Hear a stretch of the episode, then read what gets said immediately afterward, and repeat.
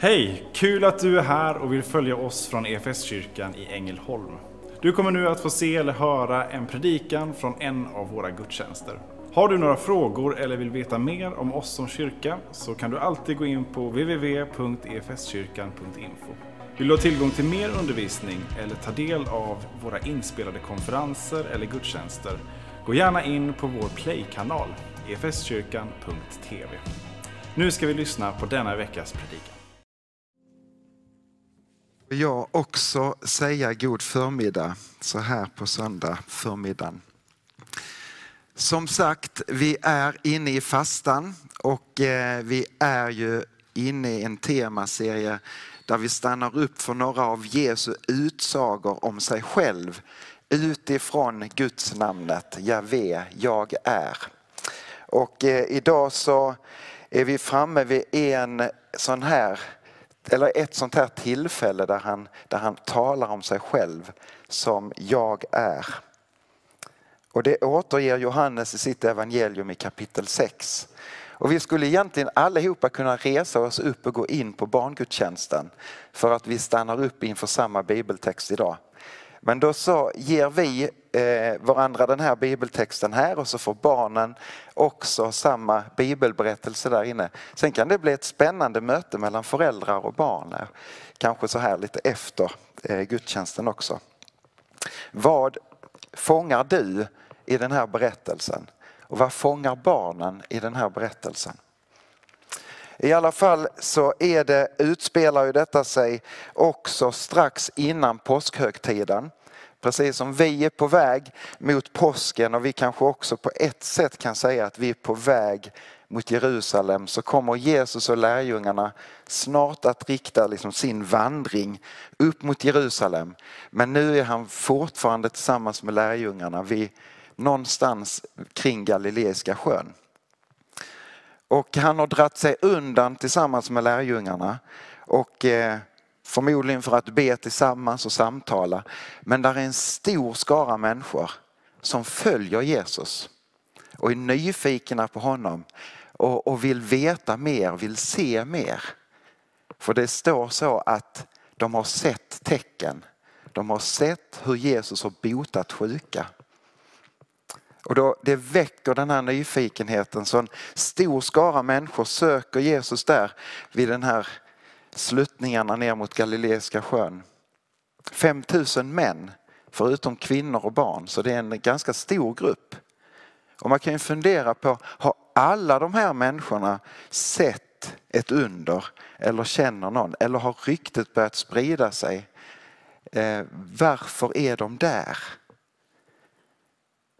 Vi kan också ställa oss den här frågan faktiskt till oss själva. Varför är du här idag? Varför söker vi oss till gudstjänsten? Är det så att vi har erfarit någonting som liksom, åh, väcker en längtan? Eller har jag hört eller har jag följt med? Eller har jag lagt mig till med en god vana? Ja, det kan vara olika för oss naturligtvis. De vid den här tiden söker upp Jesus Också kanske med olika motiv. Men det viktiga i den här berättelsen då och det viktiga här idag. Det är inte att vi kanske söker Herren utan faktiskt att Herren är här och söker dig och vill ett möte med dig. När Jesus han ser den här folkhopen framför sig så är det just det han gör. Han ser dem. Och så ställer han en fråga till, lärjungarna. till lärjungarna. Hur ska vi kunna få bröd så att alla de här kan äta sig mätta? Ja, Filippos han svarar, ja, de pengarna vi har de kommer inte att räcka. Hur ska vi, det, det funkar inte, vi kan inte köpa bröd så det räcker till de här tusentals människorna. Andreas, han hittar en liten kille där i, i, i den här gruppen som tydligen har en matsäck med sig. En klok mamma eller pappa som kanske har sett till, packa med, ta lite mat med dig. Du vet inte var den här dagen kommer att sluta, hur långt det är innan du kommer till ett dukat bord igen. Men Andreas han säger, jaha, här är en pojke, fem bröd, två fiskar. Vad ska det räcka till? Men så gör Jesus det där undret. Han välsignar brödet, han välsignar fiskarna. Och så säger han åt lärjungarna, dela ut till folket. Ge dem att äta. Alltså, försök måla bilden. De, tar, de är tolv lärjungar, där är fem bröd. Det räcker inte ens till dem att få varsin. De kanske knäcker och tar varsin halva och så går de och så börjar de dela. Och så delar de. Och så de... Hallå Petrus, vad händer? Alltså det är samma för dig. Vi, vi kan ju bara måla bilden och fantisera om hur det går till. Men de får ju vara med och se ett kolossalt mäktigt under. Och det är inte nog med att det räcker så att de får äta sig mätta utan Jesus han säger till lärjungarna sen efter, okej okay, samla nu ihop allt som blir över. Tolv korgar. Peter sa, varför är det alltid tolv? Nej, jag vet inte, det sa han nog inte. Tolv korgar blir över, det räcker och blir över. Lärjungarna måste ju på nytt inse att det här är inte vem som helst. Jesus han, det bara händer saker som för oss är helt övernaturliga. Och det sprider sig, alla kanske inte av de här tusentals människorna inser kanske inte vad det är för bröd de har fått att smaka, att äta, ett Guds under. Men det börjar sprida sig så att det blir en reaktion och Jesus han ser vad som är på väg att hända. De vill nu utropa mig till kung. Men han har en annan väg att gå. Han vet det. Han ska inte utropas som kung på det sättet som kanske folket börjar förvänta sig. Oh, här är den mäktiga profeten som vi har väntat på. Så Jesus han drar sig undan. Och så drar han sig undan tillsammans med lärjungarna och kvällen lägrar sig och det blir så småningom natt. Och då kan vi läsa om hur, hur lärjungarna stiger i sin båt och ger sig ut på sjön och på väg mot Kafarnaum på andra sidan. Och så mitt under natten så får de vara med om ett under igen. Vågorna börjar slå höga och det blåser upp som det kan göra hastigt på, på den här sjön. Ganska plötsligt så drabbas de, kanske inte av sjönöd, men ändå så att det är väldigt oroligt i båten. Då plötsligt kommer Jesus gående bland vågorna och de blir ju naturligtvis livrädda. Vad är detta? Och så säger Jesus de här orden till lärjungarna. Det är jag. Var inte rädda. Också här använder Jesus Guds namnet över sig själv. Jag är, eller det är jag. Var inte rädda. Och så återger Johannes det som att de plötsligt efter det är framme vid stranden vid Kafarnaum och stiger i land där. Läser vi vidare i kapitel 6 i Johannes evangeliet så, så står det att morgonen kommer, så är det ju ofta, efter en natt så kommer det en morgon. Och folket som hade varit med om det här mäktiga brödundret ser att lärjungarna är borta och ser att Jesus inte längre är där. Och de börjar liksom, var har han blivit av? Och så på något sätt får de reda på så att de också söker sig till Kafarnaum och söker upp Jesus och frågar efter honom igen. Men Jesus han ser igenom på något sätt deras motiv varför de söker honom. Och vi kan läsa de två verserna inledningsvis. Jesus svarar Sannerligen jag säger er, ni söker inte efter mig därför att ni har fått se tecken utan därför att ni åt av bröden och blev mätta.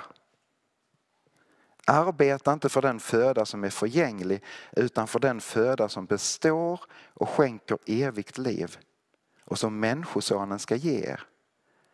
Ty på honom har Fadern Gud själv satt sitt sigill. Och då reagerar folket så där som vi kanske många gånger gör mänskligt naturligt. Vad ska vi göra för att få del av det här? Vad ska vi göra för att utföra Guds verk? Och då svarar Jesus, detta är Guds verk. Att ni ska tro på honom som han har sänt.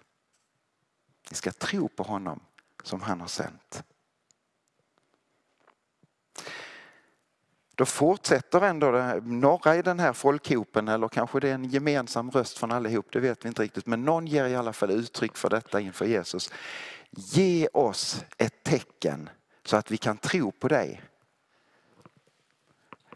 Det är märkligt det här med oss människor.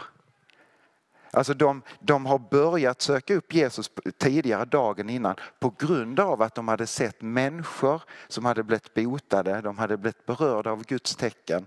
De hade fått vara med om ett fantastiskt under. De hade inte bara fått se det, de hade också fått smaka det. Och det hade fått dem att söka upp honom igen. Och så ändå, ja du, kan du ge oss ett tecken så att vi kan tro på dig? Vi är så många gånger trosvaga. Och sen så börjar de knyta an till det andra stora brödundret som de har med sig i sin historia. Där folket leddes i öknen av Mose.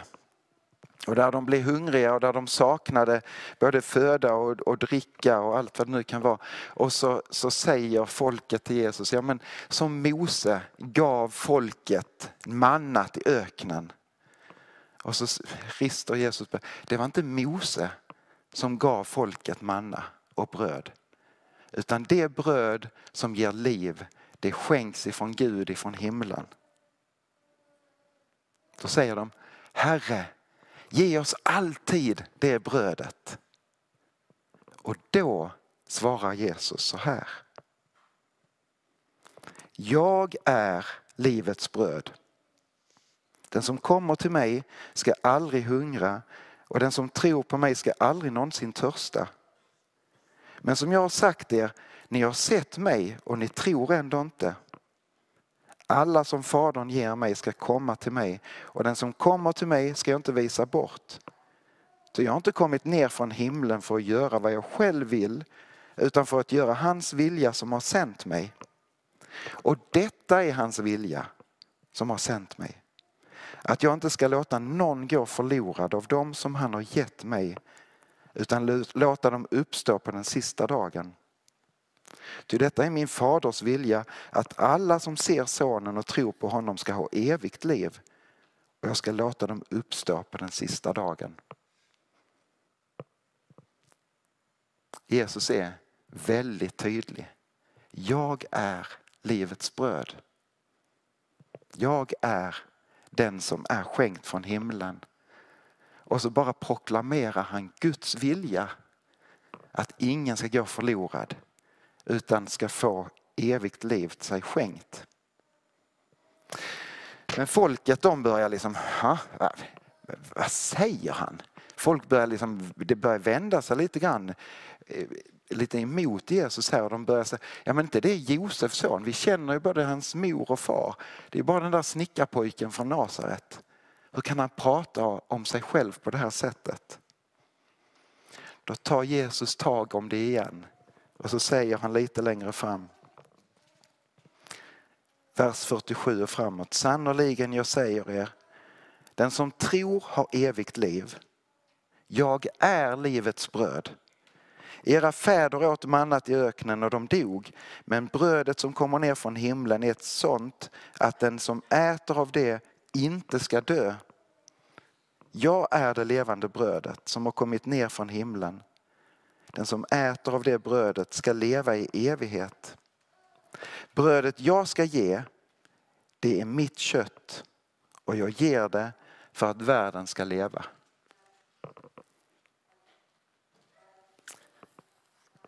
Brödet jag ska ge är mitt kött. Kanske Johannes här knyter an till den måltid som Herren kommer att instifta något senare i Jerusalem och som vi förvaltar i kyrkan som ett heligt sakrament, nattvarden. Tag och ät, detta är min kropp. Ta och drick, detta är mitt blod.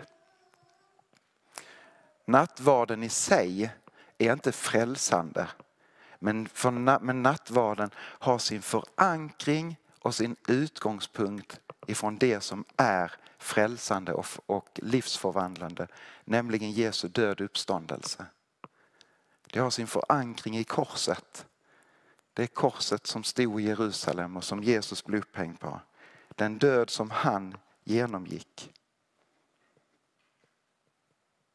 För han talar också här, inte egentligen bara om nattvarden, utan han talar om att han ska offras. Och de orden som Johannes döparen hade uttalat över honom vid Jordanflodens doptillfälle där några år tidigare. Se Guds lamm som borttager världens synd. Han är den som ska offras. Han är den som kommer att slaktas likt offerlammet i templet. Han är det slutgiltiga offret.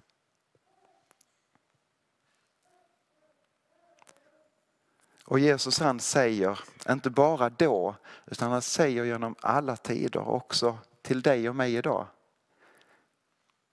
Jag är livets bröd. Ta emot och ät. För det skänker dig evigt liv. Men så tänker jag två stycken spår som vi bara kan få plocka upp och kanske bära med oss utifrån den här händelsen och berättelsen. Dels detta att bli påminda om att vi så lätt hamnar i det som kanske är ett, ett mänskligt naturligt sätt och en respons som också kommer från, från folkhopen i mötet med Jesus. Vad ska vi göra för att utföra Guds verk? Vad ska vi göra för att förtjäna detta? Och så säger Herren, detta är Guds verk.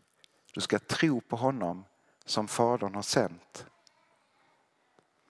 Detta att få ta emot gåvan, att få leva ett evigt liv i ett rätt förhållande med Herren. Att få ta emot förlåtelsen, leva i förlåtelsen. Det är helt och hållet grundat i vad Jesus har gjort. Vi kan inte förtjäna det genom ett fromt liv eller goda gärningar. Vi kan hoppas och be om att som en följd av frälsningen, en följd av att vi får ta emot den helige Ande, att det får födas ett frommare liv kanske och ett goda, liv fyllt av goda gärningar. Men det är inte för att förtjäna förlåtelsen och för att ta emot Guds kärlek. Så vila i nåden, käre vän. Vila i nåden. Den är värd allt. Sen tänker jag också som avslutningsvis att den där lilla pojken kan få utmana oss och uppmuntra oss. Kanske både pojken och Andreas. För på något sätt, pojken han står där med sin matsäck, det är ju, men det är Andreas som, som drar fram honom. Och så säger jag, vi har detta, men vad ska det räcka till?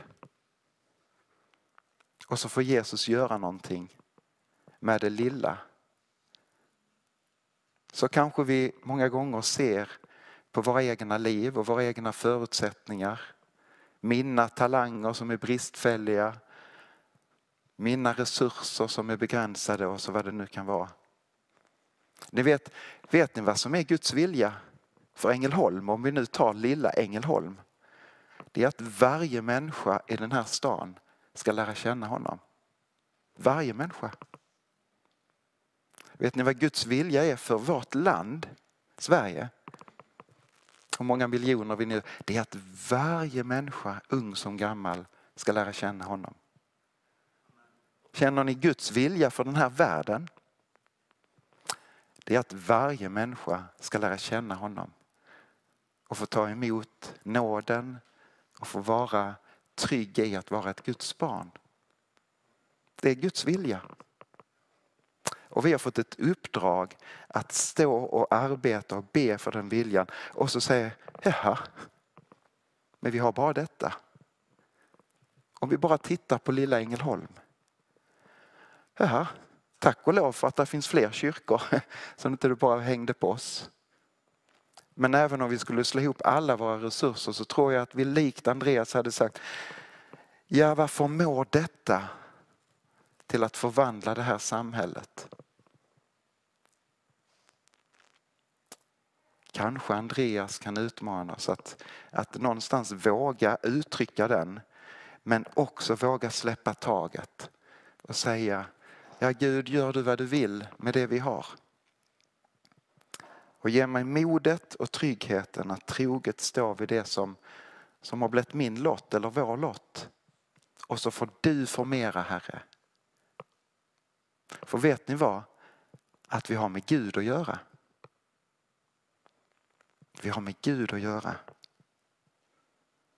Han som säger, det är jag. Var inte rädda. Det kanske går höga vågor i livet och i vår tid. Det kanske känns otroligt oroligt. Men därigenom, mitt i kaoset, mitt i oroligheterna så kommer Herren. Där är Herren och han säger det är jag. Var inte rädda. Vi har med Gud att göra.